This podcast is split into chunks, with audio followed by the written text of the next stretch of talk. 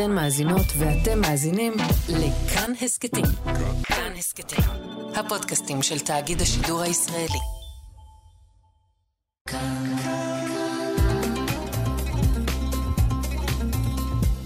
כאן תרבות.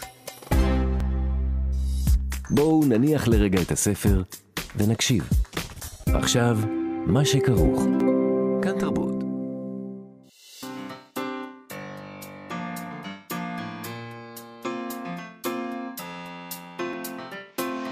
מה שכרוך. עם יובל אביבי ומה יעשה לה.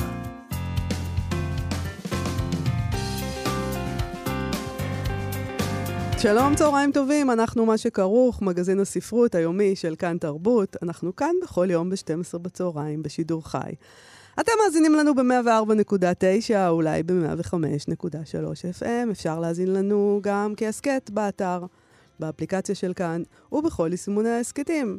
איתנו היום באולפן איתי אשת על ההפקה, על הביצוע הטכני, יבגני לייזרוביץ'. שלום לכם, שלום יובל. שלום מאיה. לפני שנתחיל את התוכנית היום, אנחנו רוצים לספר לכם חדשות חגיגיות מחר. החל מתשע בבוקר, כאן תרבות תשדר מהספרייה הלאומית החדשה בירושלים. יום שידורים מיוחד. הספרייה הלאומית החדשה זה הבניין החדש, חיכינו לו המון המון שנים. הייתה אמורה להיות לו השקה חגיגית שכמובן אה, לא התקיימה בגלל האירועים האיומים בחודשים, בשבועות האחרונים. אז אנחנו נשדר שם יום שידורים מיוחד לרגל הפתיחה של הבניין החדש. אנחנו ממש נהיה שם בבניין כן, אנחנו החדש. נשדר משם, לא רק אנחנו. הרבה מאוד אנשים מכאן תרבות. אנחנו בכאן תרבות התכוונתי. כן. Mm, וגם אנחנו, אני ואת, את ואני. נכון. אז אנחנו נדבר שם עם אנשים שעובדים בה, ועם חוקרים שמשתמשים בשירותיה, ו- ועוד ועוד, ולצידנו, אה, לצידי, לצידך ולצידי, יהיו גם שרון קנטור, גואל פינטו, רונה גרשון תלמי, ענת שרון בלייס, כאמור מתשע בבוקר ועד שמונה בערב, בשידור חי, מהספרייה הלאומית. מרגש, החדשה. תגיד, ייתנו לנו tag כזה מיוחד, ואז אני אוכל להיכנס שם אה, אה, לכל מיני מקומות שאסור לאנשים להיכנס, לא. ולפלח דברים וכאלה. חד משמעית לא ייתנו אה. לך. עכשיו לא בטוח, ייתנו. עכשיו בטוח לא ייתנו לך כי tag זה מיוחד. ישר מה שעלה לי בראש. לא. בואו נראה איזה מחילות יש שם מתחת לאדמה, מה יש שם, מה הם מחזיקים שם, ומה אפשר לקחת. לא, לא ייתנו לך... אוקיי, עט שכתוב עליה ספרייה לאומית, הוא- לפלח, משהו? את, רוצ, את רוצה שייתנו לך או לפלח? לא, אני רוצה לפלח. אז נדאג לעט בסדר. שמישהו ישאיר אותו על השולחן. ואת. תוכלי לפלח. טוב. יש שם, אגב, לחדרים שבאמת, אה, אם הבנתי נכון, אני לא, זה נשמע לי כמו אגדה אורבנית, נו, אבל כן, ספר. אה, לחדרים שבהם שמורים דברים יקרים במיוחד, לא רק שאת לא יכולה להיכנס, אף אחד לא יכול להיכנס. מה זאת אומרת, אף אדם בעולם? יש שם חדר, בטח עם- שזה אחד עם המפתחות, שרת כזה. יש שם חדר, אחד, אה, שוב, אני, אני, אני מקווה שאני אומר את זה נכון, בסדר? אוקיי. אני כבר מסייג, אל אמרנו תתפסו אגדה כמילה. אורבנית, אז בוא נבנה אותה. יש שם חדר שיש בו אה, יצירות אה, בנייר, כן, והן מאוד מאוד יקרות ונדירות. אוקיי. עכשיו, צריך להגן עליהן מאש. אהה. איך עושים את זה בדרך כלל? מתזים של מים מהתקרה, נכון? כן. זה לא עובד טוב עם נייר. אז הבנתי שיש שם חדר שבו אין חמצן. Mm. כי אה, בלי חמצן לא יכולה להתפתח אני רוצה אש. להיות, את זה אני רוצה לראות, בדיוק. ואתה יודע משהו? אני אגיע לזה מחר. ויש שם רובוט. מי צריך לדבר? אני, אני אדאג לך. טוב, אני אדבר. יש שם רובוט בתוך הזה, הוא לא צריך חמצן. כן. כדי להוציא ספרים משם, הרובוט מוציא דברים. אנחנו אתה- פשוט, מחר נדבר גם עם אנשי הספרייה הלאומית, וזאת בדיוק השאלה שנשאל אותם. ספרו לנו על על החדר הזה. הדברים האלה. אז אם את רוצה להיכנס לשם, את יכולה, אבל את צריכה כמו? צולל, כמו צוללן. Mm. את מקבלת הרי אמ, בלון גז, ואיתו את נכנסת לחדר שאין בו חמצן, נחמד. כדי שלא יישרפו בו. הספרים. ננסה. זה נשמע מדהים. כן. אבל מה זה העבודות האלה, אבל, אתה יודע? שהם שומרים עליהן שם. לא, זה, זהו. על זה, את זה לא מגלים? זה מעניין. מה... אה, על מה אנחנו מגינים? יש כמו מדרג של בני אדם, שאחד מקבל מקלט אטומי ושני צריך לי- להסתפק בחדר מדרגות. מהמם. אז יש ספר שמקבל את החדר המיוחד, שבו... אבל לא מהו ניס- הספר? אז בסדר, נשאל אותם. אני אוקיי, לא יודע, אני אוקיי, לא אוקיי, מהספרייה אוקיי, הלאומית, אני רק אז יובל. יש לנו על מה לדבר איתם מחר. נכון. לא לשווא אנחנו עולים לירושלים. ברור שלא לשווא. חוץ מזה, אנחנו נהיה שם, אנחנו נחקור את הפרטים, אנחנו נעשה עבודה, אנחנו... יהיה לנו גם נגיע- כתב משוטט בשטח. נכון. תומר מיכלזון, אולי נשלח ואולי אותו. נשלח אותו לא, לחדר הזה. לא, אני אה, לא רוצה, אני רוצה להיכנס לשם. אבל עם בלון של גז, שלא תחנקי. בלון חמצן, בלון סליחה, לא- חמצן. לא גז. טוב. בלון חמצן. הכל מתערבב. תומר מיכלזון ואני נלך טוב, לחפש את זה. שלב טוב לעבור לתוכנית של היום, כן, לפי דעתי, עם בבקשה. הבלונים. אה, הטקסטים הקצרצרים של אלכס אפשטיין, אפשטיין הם אה, לפעמים אה, בני שורה אחת או שתיים, וזהו. אבל הם עומדים במרכז מופע קברט חדש.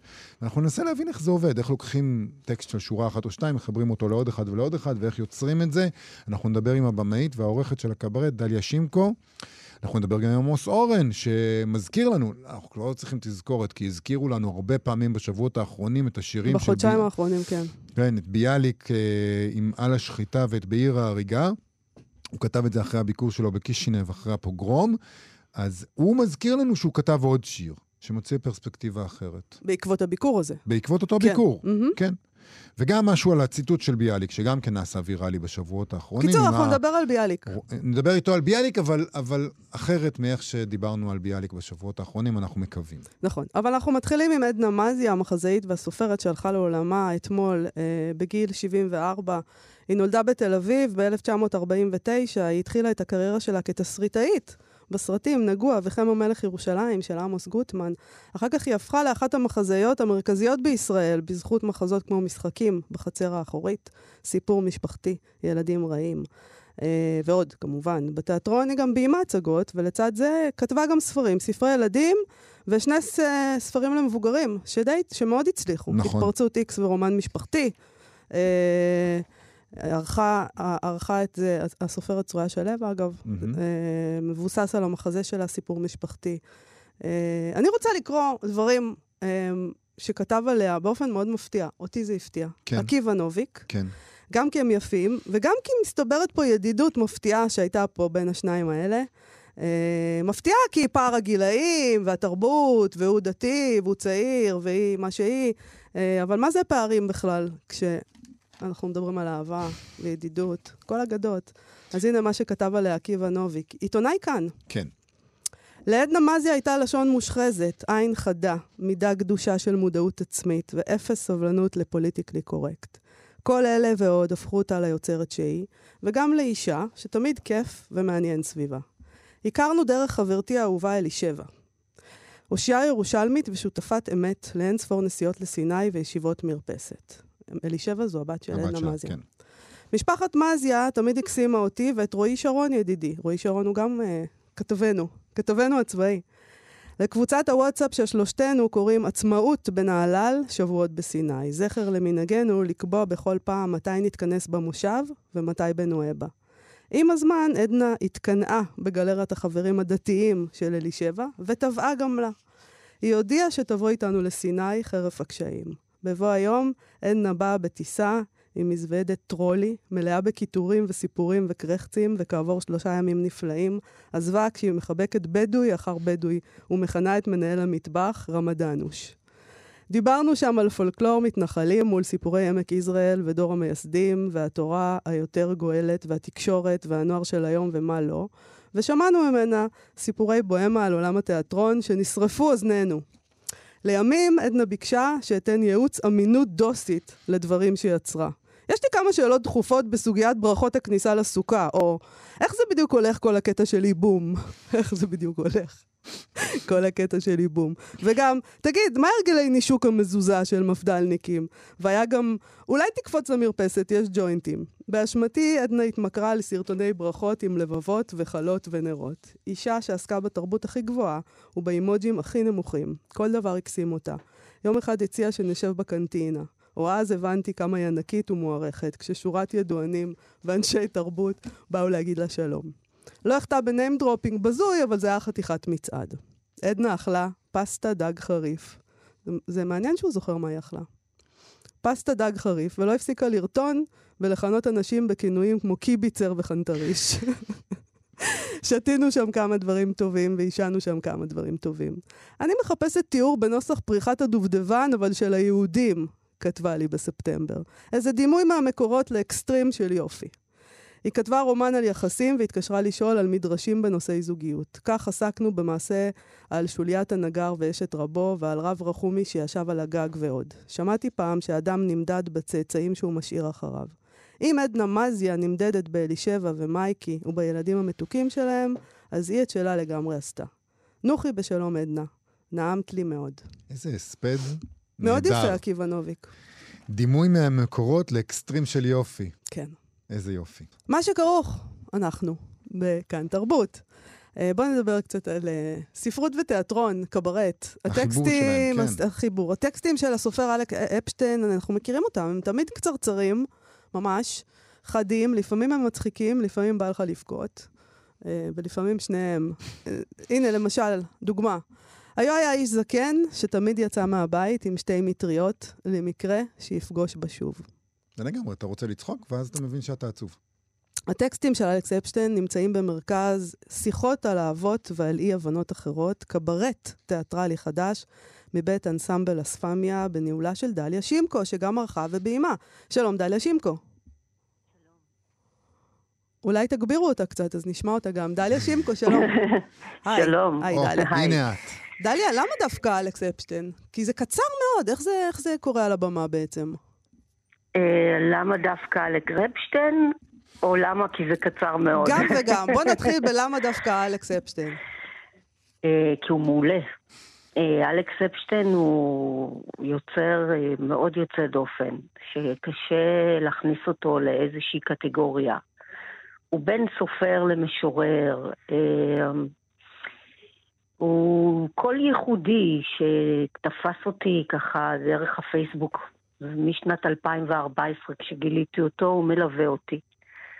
ולכן אלכס אפשטיין, כי אני חושבת שהוא תופעה, וכדאי שיותר אנשים יכירו אותו, ודווקא בגלל שהוא קצר וקולע, הוא מאוד מתאים לסוג כזה של אה, מופע. שמה, השירים שלו, או הטקסטים שלו הולחנו בעצם, או איך זה, איך זה בא לידי ביטוי שם? הם לא הולחנו, הם אה, מוגשים על ידי ועל ידי אה, אייל שכטר אה, בליווי מוזיקלי של אה, שי בן יעקב. אה, חלק קטן הולחן, אבל הרוב זה, איך נקרא לזה? הגשה אומנותית בליווי מוזיקה, ו... ויש בערב גם שירים אה, מוכרים, שנסונים, אה, גם עולמיים, גם ישראלים, כמו הגבירה בחום, אה, אה. אבא בת עשרים. זאת אה, אומרת שאת מרגישה את, את, את אלכס אפשטיין צרפתי קצת בעצם? למה דווקא שנסונים?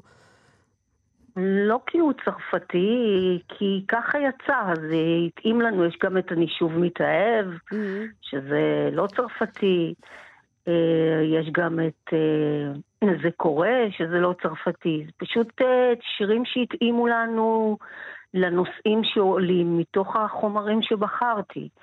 איך אה, בחרת באמת את החומרים, אה, את החומרים שלו? כי אחד הדברים שמאוד מעניינים זה, אני יודע, הרבה פעמים כשקוראים את הטקסטים שלו, אה, אחד אחרי השני, אז אה, הם, גם- הם, הם, הם נותנים תחושה גם פרגמנטרית מאוד, כי הם קצרים וחדים כאלה, אבל מצד שני, הם כן נותנים איזושהי תחושה של, של שלם. ש, מצטברת. שמתח- מצטבר, בדיוק, כן. שלם מצטבר, זה בדיוק זה. אז איך יוצרים את השלם המצטבר הזה על הבמה? אמ, קודם כל, הבחירה היא בחירה נושאית. זאת אומרת, אה, בחרתי טקסטים ויצרתי, בוא נקרא לזה כמו סוג של חטיבות או סצנות, שכל אחת מהן עוסקת בנושא אחר. למשל, התחלנו מספרות. חשבתי שאני רוצה לעסוק בדברים ששווה לחיות עבורם. Mm. אז ספרות ואומנות אה, זה הראשון, ואהבה זה השני, והורות זה השלישי. אה, וזה פחות או יותר הנושאים המרכזיים של הערב, שסביבה, שסביבם נע הערב, שאני חושבת שזה שלושה נושאים שבהחלט שווה לחיות עבורם. אה, ואז בעצם לקחתי את הסיפורים מכל הספרים של אלכס, אה, שהם באמת אה, יחד אה, צוברים איזשהו אה, מטען רגשי. אה, ו... וזה נצבע בכל מיני סוגים של מוזיקה וב... ובצורות שונות של הגשה. ואני חושבת שיצרנו משהו ייחודי. עכשיו, משהו את כל שהוא לא הדבר דומה הזה, לכלום. דליה, כל הדבר הזה קורה, אה, לרוע המזל, בתוך תקופה מאוד מאוד קשה. יוצ- יוצא ככה, מן הסתם, לא כיוונתם לזה. איך ממשיכים? קודם כל, אני חושבת שהערב הזה לא היה קורה לולא היינו חושבים שהוא מאוד מאוד מתאים בדיוק לתקופה הזאת. באיזה בגלל אופן? שיש בו משהו, קודם כל, דווקא בגלל שזה ערב של סיפורים קצרצרים, שזה לא משהו כבד ולא לא נותן בראש, זה משהו מאוד מנחם, וכמו שאמרתם, יש שם הרבה הומור, אבל גם עם הרבה מאוד עצב. זה... אה, בעיקר אני חושבת, הדבר הכי מרכזי שאני יכולה להגיד על המופע הזה, זה שהוא מאוד רך ועדין ו- ו- ומחבק. ובתוך כל זה, אנחנו קוראים לו שיחות על האבות כי הוא באמת כזה, הוא שיחות. זאת אומרת, גם הטקסטים של אלכס מוגשים כמו שיחות ביני לבין אה, אייל, וגם ביני, בין אייל ובין שי, יש שיחות על הבמה. על הטקסטים עצמם ועל חוויות אישיות שלנו שמתקשרות לנושאים שהטקסטים עוסקים בהם. זאת אומרת, זה ערב מאוד לא מעונב, יש בו משהו מאוד, אה, גם מזמין את הקהל קצת להגיב ולהשתתף.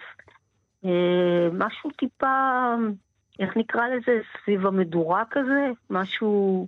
והקהל אה, הקהל נענה מתאים. להזמנה הזאת? הוא נענה להזמנה? אני לא על- יודעת, הערב עוד לא יצא, כשהוא יצא מול קהל, אני יכולה להגיד לך. טוב, נצטרך לדבר שוב, לא תהיה ברירה, אבל, אבל הקהל נענה בכלל להזמנה לתיאטרון בזמנים כאלה? את יודעת, אה, אנחנו... לפעמים יש תחושה עכשיו שהכל עצר מלכת, ואנשים אפילו... יש לי בשבילך סיפור בבקשה. מאוד מאוד יפה. כן, אני אוהב. אה, כן, לפני אה, יומיים הייתה לנו הצגה מהפכניות, הצגה של אספמיה שרצה כבר חמש שנים, וכמובן שהייתה בהפסקה עכשיו, וזאת הייתה פעם ראשונה אחרי המלחמה שהעלינו אותה. בדרך כלל אנחנו מופיעים בתמונה מול ככה 50, 60, 70 איש, הפעם היו 24, שזה המון לתקופה הזאת. ואחרי ההצגה ניגש אליי בחור צעיר ואמר שהוא הגיע מים המלח, שהוא מפונה מקיבוץ בארי, שהוא שכל את שני מחותניו, ושההצגה הזאת זה הדבר הטוב ביותר שקרה לו בחודשיים האחרונים. וואו, זה מרגש והוא הסכים ממש. אפילו, הוא הסכים שאני אצלם אותו אומר את זה. הוא אמר שנתנו לו כל כך הרבה נחת והזכרנו לו מי הוא ומה הוא ומה הוא אוהב ובשביל מה, לא, מה שווה לחיות. אה, הוא עוסק בפילוסופיה, ההצגה שלנו עוסקת בפרויד, מרקס וסוקרטס, והוא פשוט עמד שם, חיכה להודות לי על ההצגה הזאת. זה אחד הדברים הכי מרגשים שקרו לי בכל הקריירה שלי. ככה נכון. שאני חושבת שזאת התשובה. בהחלט, זו תשובה ניצחת, אה, זה שווה את הכל. אז, כן. אז מי שרוצה להגיע לקברט עם אלכס אפשטיין, שיחות על האבות ועל אי הבנות אחרות. אה, קברט עם אייל שכטר ושי בן יעקב, על פי סיפוריו של אלכס אפשטיין. אנחנו מופיעים ב-21 לחודש בתיאטרון הבימה בשעה שבע ובשעה תשע, בהבימה ארבע, ואנחנו מחכים לקהל, זה מקום מוגן, אה, תת-קרקעי. אה, אני מתארת לעצמי שהאזעקות יפריעו לנו, אבל אפשר יהיה להישאר ישובים. חלום. אה, נקווה שגם אזעקות לא כן. יפריעו לכם. אה, כן. דליה שמקו, תודה רבה לך על השיחה הזאת. תודה רבה לכם. להתראות. תודה רבה. להתראות. ביי. אנחנו, מה שכרוך בכאן תרבות, אה, חזרנו. אנחנו דיברנו כאן בתוכנית, ואולי דיברו על זה בכל מקום, בשבועות האחרונים, בחודשיים האחרונים, על השירים על השחיטה ובעיר ההריגה של ביאליק, שירים שהוא כתב בעקבות הביקור שלו בקישינב אחרי הפוגרום בה. אבל עמוס אורן, שהוא יוצר תיאטרון ומדריך בבית ביאליק, הזכיר לנו בבלוג חדש שלו שביאליק כתב עוד שיר בעקבות הביקור. פחות מצטטים אותו עכשיו, אולי יש לזה סיבה. ואנחנו כן מחליטים לצטט ממנו כאן בתוכנית, הוא ציטט ממנו במה שהוא כתב עליו, זה שיר עם שמש, נכתב בעקבות אותו ביקור והוא שונה לגמרי. והוא גם כתב בבלוג הזה רשומה על הציטוט אה, של ביאליק, שרץ לאחרונה ברשת, גם כן נעשה מאוד ויראלי, נכון? נכון, הציטוט כן. הזה הולך ככה: אין רואים את הרוח, אבל היא הנוהגת את הספינה. ולא הסמרטוטים האלה המתנפנפים מעל התורן לעיני כל. זאת אומרת... ואז התחילו להגיד, מה פתאום, ולא זה לא שלא, ביאליק זה לא כתב, ביאליק, מה זה אתם כן... מדברים שטויות. בואו נברר את כל העניין הזה, יאללה. בואו נדבר. שלום עמוס אורן. שלום, שלום איה, שלום יובל. היי, עמוס. זה ציטוט זה? של ביאליק או לא? אז ביאליק כתב את הציטוט, אני יכול להבטיח לכם. אוקיי. בעצם חקרתי את הנושא במסגרת אה, בלוג שאני כותב לבית ביאליק, שנקרא מה למעלה, מה למטה. ואני, ובאמת ראיתי את הציטוט הזה בשבועות הראשונים של המלחמה, זה ממש חרך את הרשתות החברתיות, כאילו חברים שלי שיתפו את זה, נכון. ו- ואיך שראיתי את זה התעצבנתי, אמרתי, יש לי היכרות די טובה עם הכתבים של ביאליק, ביאליק לא כתב את הציטוט הזה, אז, אז למה זה מיוחס לביאליק? אז התחלתי ככה לחקור את הנושא, ולא רק אני, גם ראיתי שעוד אנש, אנשים התעצבנו על זה, בי- זה לא, לא מוצאים את הציטוט הזה בכתבים של ביאליק. אז חשבתי, אולי אה, אם הוא לא כתב את זה, אולי הוא אמר את זה איפשהו, אולי זה ציטוט מדברים שלו בעל פה. אה, והתחלתי לחקור את הנושא, ובאמת מצאתי נאומים שלו שהתפרסמו שיש דימויים דומים של, ה, של הרוח, של הספינה, אבל לא בדיוק זה. אז דיברתי עם אה, יהודי דנון, שהיא המנהלת של הארכיון של בית ביאליק, והיא הייתה בטוחה, לא, זה של ביאליק. ואיכשהו התגלגלתי והגעתי באמת לספר שמצטט כל מיני אמרות של ביאליק. ביאליק היה סוג של סלב, וכל דבר שהוא אמר איפשהו מישהו כתב, והציטוט הזה מופיע בספר עם איזה, שלח אותי לאיזה גיליון מאזניים, המראה מקום לא היה נכון, ונברתי בגיליונות של מאזניים עד שהגעתי לציטוט עצמו. אז, אז ביאליק אמר את הציטוט, אבל באיזה נסיבות הוא אמר בדיוק, אותן? באיזה הזדמנות. אז ב-1932 בירושלים היה איזו חגיגה שעשו להוצאת כל כתבי אה, צ'רניחובסקי.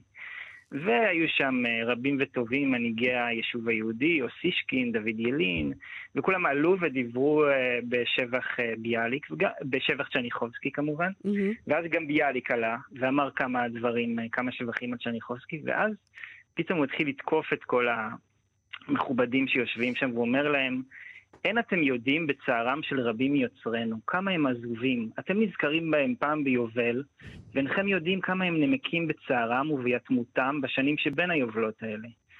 יעני, ביאליק, ביאליק אומר, אתם מתייחסים אל אמנים כאלה, זה קישוט, שפעם ביובל נזכרים בהם וחוגגים להם. כן. אבל ביאליק אומר, הם, האומנים, אלה שבונים מאחורי עורפנו את עתיד האומה. ואז הוא מוסיף ואומר את הציטוט, אין רואים את הרוח, אבל היא הנוהגת את הספינה. ולא הסמרטוטים האלה המתנפנפים מעל התורן לעיני כל. איי, איי, איי, איזה כיף. לא, תענוג. אבל- אבל, זה יפה. אבל זה מה שצריך. אתה בן אדם עם, אה, אה, פיגורה, עם, עם, מקום, עם נוכחות, ומזמינים אותך לשאת דברים במקום מכובד, אז אתה מנצל את המקום הזה כדי לדבר את, קולם של אלה שלא הוזמנו. יפה מאוד, כן, ואני חושב שזה מאוד מעניין לראות איך ציטוט שביאליק אמר כמעט לפני מאה שנה באיזה ערב ירושלמי התגלגל והגיע עכשיו לרשתות החברתיות. אגב, ו- אנחנו יודעים איך הוא הגיע לרשתות החברתיות, מי הראשון שהעלה אותו ומאיפה הוא מצא את זה? אני לא יודע, אבל מה שאני, כאילו, אני ראיתי שזה מופיע בספר ציטוטים של ביאליק, Mm. וראיתי שמשם לקחו את זה לוויקי ציטוט. אז אני מניח שמוויקי ציטוט אה, איכשהו תתגלגל אה, מערכים כלשהם, ושם, וככה זה הגיע. אתה מקור יותר אמין בעיניי מאשר אה, ויקי ציטוט לאור- ויקי לא- לפי תיאור המחקר. אבל גם איזה שערכנו. כיף לעמוס אורן שהוא עושה את המחקר הזה. נכון. ובכלל. כן, אני אה, מיסיונר של ביאליק, אז אה, הייתי חייב לוודא את זה. אמ, אז אתה מיסיונר, אתה מיסיונר שלו גם בהקשר לשיר שאנחנו עומדים לדבר עליו. כן, אז, זה, אולי באמת, כן, אולי אפשר להתחיל מלקרוא את השיר, כן. ואז... אז רגע, בוא נגיד קודם כל שאנחנו, מה זה השיר הזה? משהו עליו, נגיד, אז, עם אז, שמש. אז אני אתחיל עם הרקע ההיסטורי. אז אוקיי. אולי אה, השנה 1903, אה, ביאליק עם כל חבורתו באודסה, רב ניצקי ואחד העם, ועדיין יש לו כבר שם של משורר די, די חשוב, ופתאום מתחילים להגיע אה, ידיעות נוראיות על פוגרום שהיה בקישינב. זה היה במוצאי חג הפסח, 19-20 באפריל. ידיעות מזעזעות, באמת, אה, על אונס של נשים והרג של ילדים קטנים, ו, וביאליק הולך עם כל הדבר הזה, ובאמת באיזושהי תגובה ספונטנית, כמה ימים אחרי, הוא כותב ישר את uh, על השחיטה.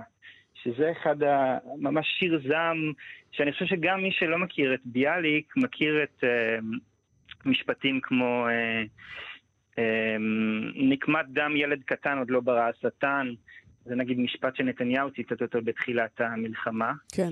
אה, בלי לציין אה, וארורה אומר נקום, כן? Mm-hmm. ויקוב אדם את התהום, אם יש צדק יופה מיד, אז זה באמת מין שיר זעם ספונטני שביאליק כתב. ואז מוקמת אה, אה, ועדה היסטורית בראשות אחד העם, ושולחים את ביאליק בראש משלחת לקישינב ממש כהיסטוריון, לבוא ולגבות עדויות ולהבין מה קרה שם. הוא מראיין, יש לנו אה, בארכיון בית ביאליק, יש לנו רעיונות של ביאליק וצילומים שהוא לקח, והוא יושב עם החומרים האלה כמה חודשים. אבל הוא לא יפרסם את הדוח הזה מעולם. במקום הדוח הוא כותב את uh, בעיר ההרגה כמה חודשים אחרי, פואמה חזקה ומטלטלת שבאמת אני חושב שזה אחד המקרים הבודדים של שיר שקצת שינה את מהלך ההיסטוריה. בעקבות בעיר ההרגה טרומפלדור עלה לארץ, ובן גוריון, העלייה השנייה, הקימו אגודות של התגוננות עצמית. זה באמת שיר, שיר ששינה משהו.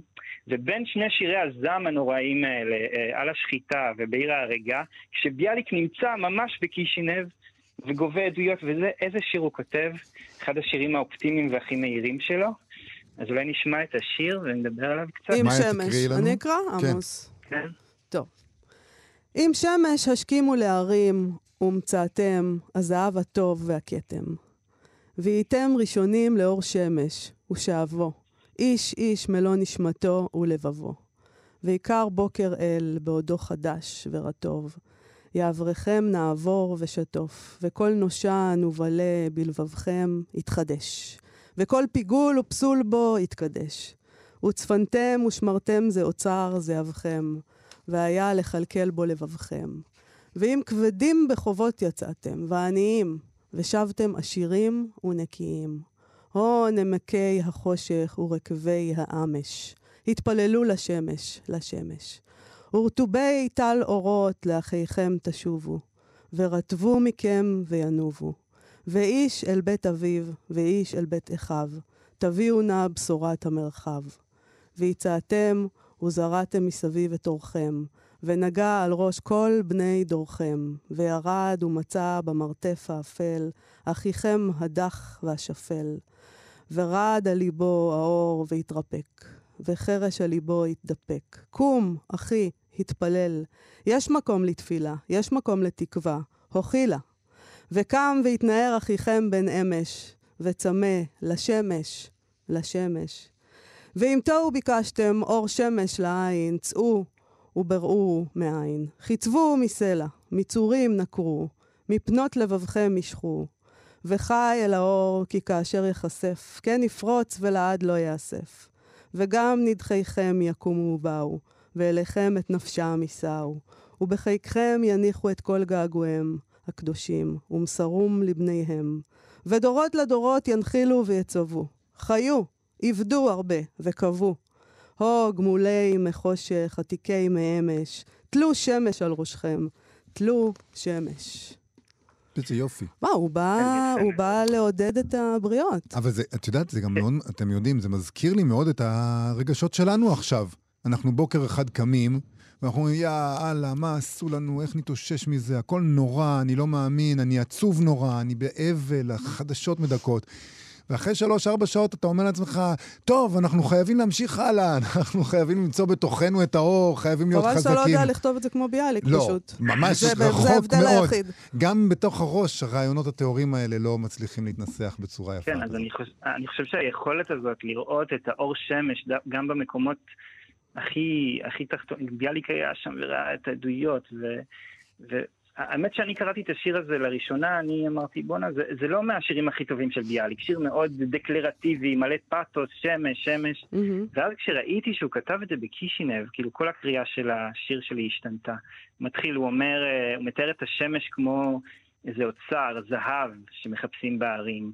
ואז הוא אומר, שאבו איש איש מלוא נשמתו כמו איזה מים ערבים. השמש, שעוד כמה חודשים הוא יגיד בעיר ההרגה, השמש, השמש תשחט זוהרה ארצה, השמש כבר איבדה. פה השמש היא משהו שיכול לשנות אותך, משהו עם כוח חיובי.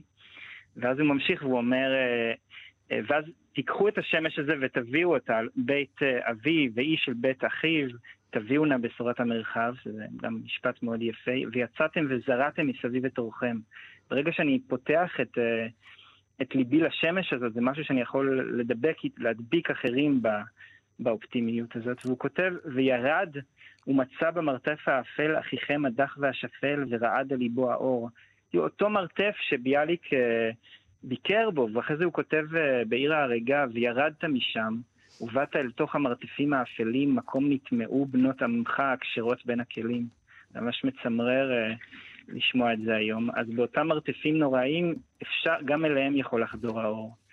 והשורות שהכי תפסו אותי פה זה, הוא אומר, ואם תוהו ביקשתם אור שמש לעין, ומה יקרה אם לא תצליחו למצוא את האופטימית הזאת? מה...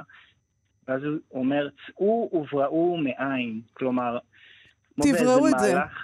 כן, בכוח. מהלך כזה של מחיית כפיים חסידית, כאילו למול, בתחתית הקיום האנושי, כמו הברון מינכאוזן שמשך את עצמו עם, uh, בשערות, חיצבו מסלע, מצורים נקרו, מפינות לבבכם משכו, איזשהו אקטיביזם הזה, איזשהו uh, כוח חיים ש, שמתעורר דווקא, דווקא למול המוות וההרס הזה מסביב. Uh, והקריאה הזאת שלו בסוף, בסוף השיר, תלוש שמש על ראשכם, תלוש שמש, שעד היום ראוי ש, ש, שהשמש הזאת של ביאליק תגיע אלינו, ואולי, ואולי אפשר לקחת ממנו משהו די חשוב. מעבר לשירי הזוועה ונקמע דם ילד קטן, יש פה איזו תגובה אחרת, יפה, מעניינת, ש...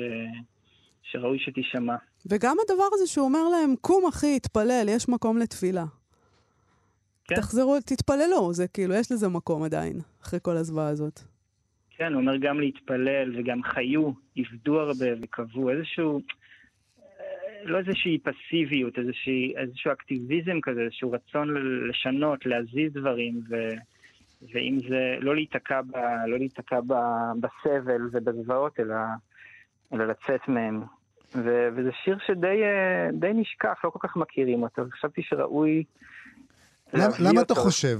למה אתה כן, חושב למה ש... אותו אנחנו לא מכירים? למה אנחנו לא מצטטים את השיר הזה בשבועות האחרונים כל כך הרבה? שמש. אה, למה אנחנו... מה, מה יש בנו? ברור שקרה לנו אסון נורא, ואנחנו חוזרים... לא, אנחנו לא מכירים אותו. למה אנחנו לא מכירים אותו? אני לא הכרתי נכון, אותו. אנחנו, אולי יש משהו בקיום שלנו כיהודים, כישראלים, אה, ש, שמחבר אותנו יותר אה, לשירים הפחות שמחים ופחות אופטימיים? כן, תשמע, אני חושב שיש משהו, כנראה יהודים אוהבים להתרפק על הסבל שלהם, כן? יש איזה משהו שהרבה יותר קל בלדבר על ה... הזוועות גם הן הרבה יותר נשמעות, הפלסטיות, התיאורים האלה, גם היום, כל הסרט, זה משהו שהרבה יותר תופס מאשר, אה, מאשר יוזמות של התנדבות ואיזושהי עזרה.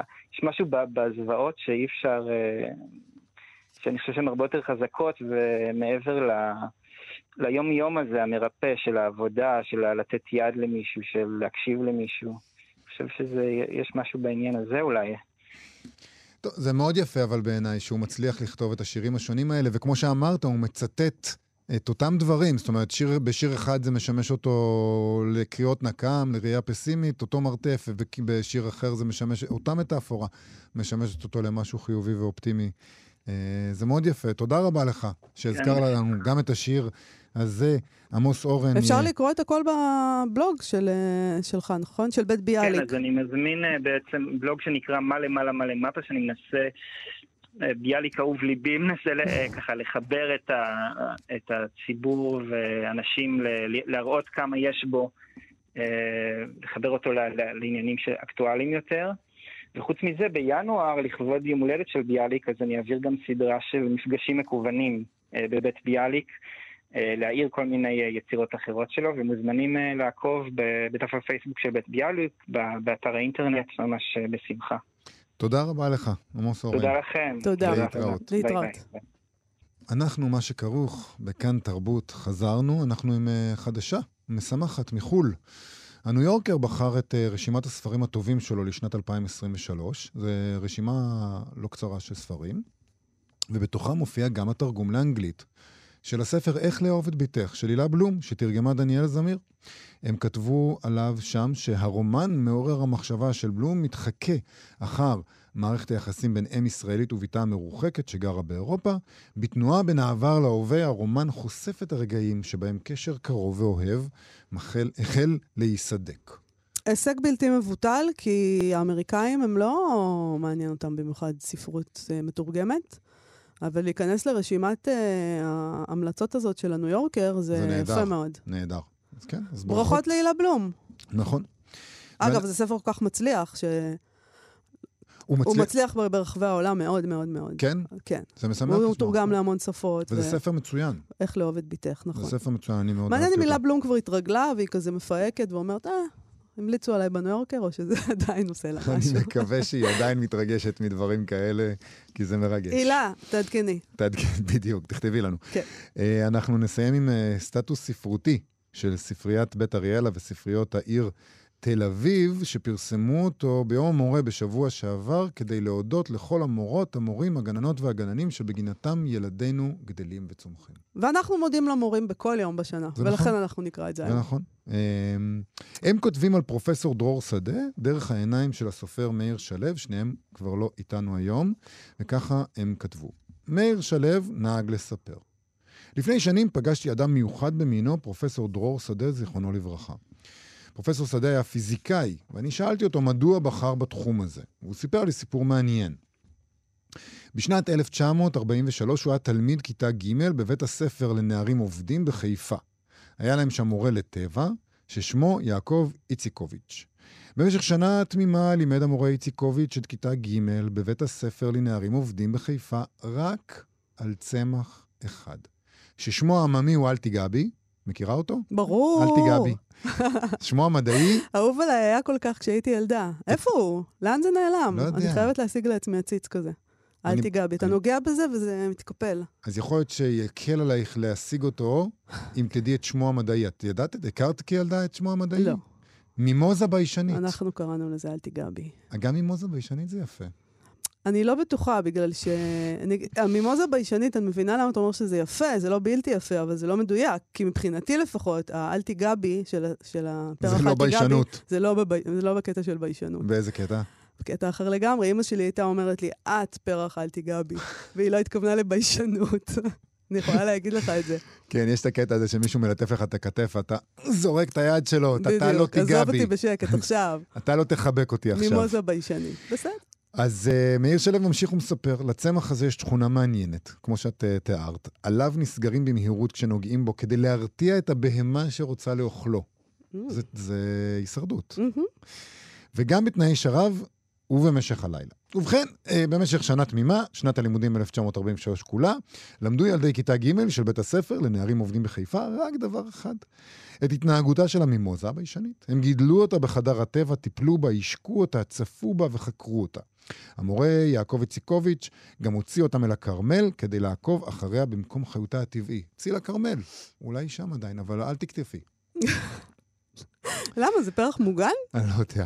צאי מנקודת, אם את לא יודעת, אם, אם יש ספק, אין ספק. צאי מנקודת הנחה שכן. כבר אין את ההיסטריה הזאת של פרחים מוגנים. שמת לב? כדאי, פעם, כשאנחנו. היינו ילדים זה היה ממש, אוי ואבוי, פרחים לי- מוגנים. לא, אבל נראה לי שהישראלים מאוד חונכו לזה. נראה לי שאין את הדבר הזה כי... או שכולם התייאשו ואמרו, זה. לא יעבוד, לא יעבוד איתם לא, לא, פעם היית רואה אנשים יוצאים עם... אה, קוטפים, אה? קוטפים. זה ברבריות. כבר לא עושים לא, את זה. אוקיי.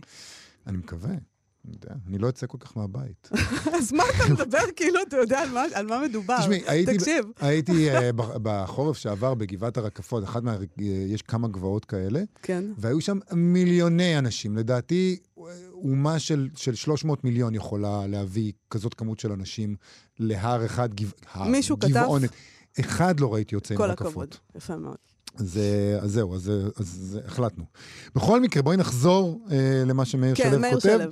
אה, הוא כותב כך: פרופסור שדה סיפר לי שאיציקוביץ' מינה אותו להיות האחראי על כיבוי האור בחדר הטבע, וכך הוא הבחין בדבר מעניין. הוא סיפר שהוא, בתור תלמיד כיתה ג', הוא הבחין בדבר מעניין. אופן הסגירה של העלים בלילה שונה מסגירתם באור יום. לא אכנס לפרטים אומר מאיר שלו, אבל המורה בדק ומצא שמדובר בתגלית של ממש, ודרש לפרסמה בעיתון מדעי. בכיתה ג' ההיא היינו שמונה ילדים, סיפר לי פרופסור שדה. שלושה נעשו מהנדסים, שתיים היו למורות, אחד משפטן ושניים פרופסורים באוניברסיטה. אני מאמין שיעקב איציקוביץ' תרם לכך תרומה של ממש. האם מישהו מכם עסק בבוטניקה? שאלתי. לא. הוא אמר, אנחנו לא למדנו ממנו בוטניקה. אנחנו למדנו ממנו לחקור וללמוד ולגלות. והמשכתם ללמוד איתו גם בשנים הבאות? לא, אמר פרופסור שדה. בסוף אותה שנה התלוננו כמה הורים שהמורה יעקב איציקוביץ' לימד אותנו רק על צמח אחד ולא הספיק את כל תוכנית הלימודים. ומנהל בית הספר פיטר אותו. תמיד יש את ההורים האלה, ההורים, שלא אני, מבינים כלום. באמת לא מבינים כלום. אין מה לעשות. תחשבי איזה דבר מדהים זה, הם גילו תגלית מדעית. כן. משהו חדש על צמח שחקרו אותו בטח לפני זה, לפני ולפנים, והנה מצאו משהו חדש, תלמידי כיתה ג'. מדהים. אז הם אומרים, אה, בספריית בית אריאל, אנחנו רוצים לסיים את הסטטוס הזה, הם אומרים, היינו מסיימים בציטוט אשרי האוהב, פרח אחד ויחיד, מתוך הנסיך הקטן של סנטק זופרי, אבל מאיר שלו שנא את הספר הזה, אז לא נעשה לו את זה. את הטקסט הזה הם לקחו, הם מספרים לנו מתוך האתר, הגיע זמן חינוך, בונים את העתיד יחד, והם גם שיתפו שם תמונה של הילד, מאיר שלו, עם אמו, בפרח אחד. איזה יופי זה אם מתמזל מזל, מזלו של אדם ויש לו איזה מורה אחד טוב בחיים. וואי, מורה אחד צריך טוב. צריך הרבה מזל בשביל זה, אבל לפעמים זה קורה. מורה אחד טוב זה המון. לי היה. uh, את המזל הזה, זה מאוד נחמד. טוב, עד כאן תוכניתנו להיום. אני אזכיר שוב שמחר אנחנו בירושלים, בספרייה הלאומית, כאן תרבות, מ-9 בבוקר עד 8 בערב. אנחנו נשדר בין 11 ל-1. Uh, בינתיים אנחנו הולכים להתארגן, להתכונן, ללבוש את בגדי השבת המיוחדים שלנו. להבין מה קורה שם בחדר ולהבין מה קורה בחדר ההוא, כן, בדיוק. Uh, תודה רבה ליבגני לייזרוביץ' ואיתי אשת שעשו איתנו את התוכנית. להתראות מחר. להתראות. אתן מאזינות ואתם מאזינים לכאן הסכתים.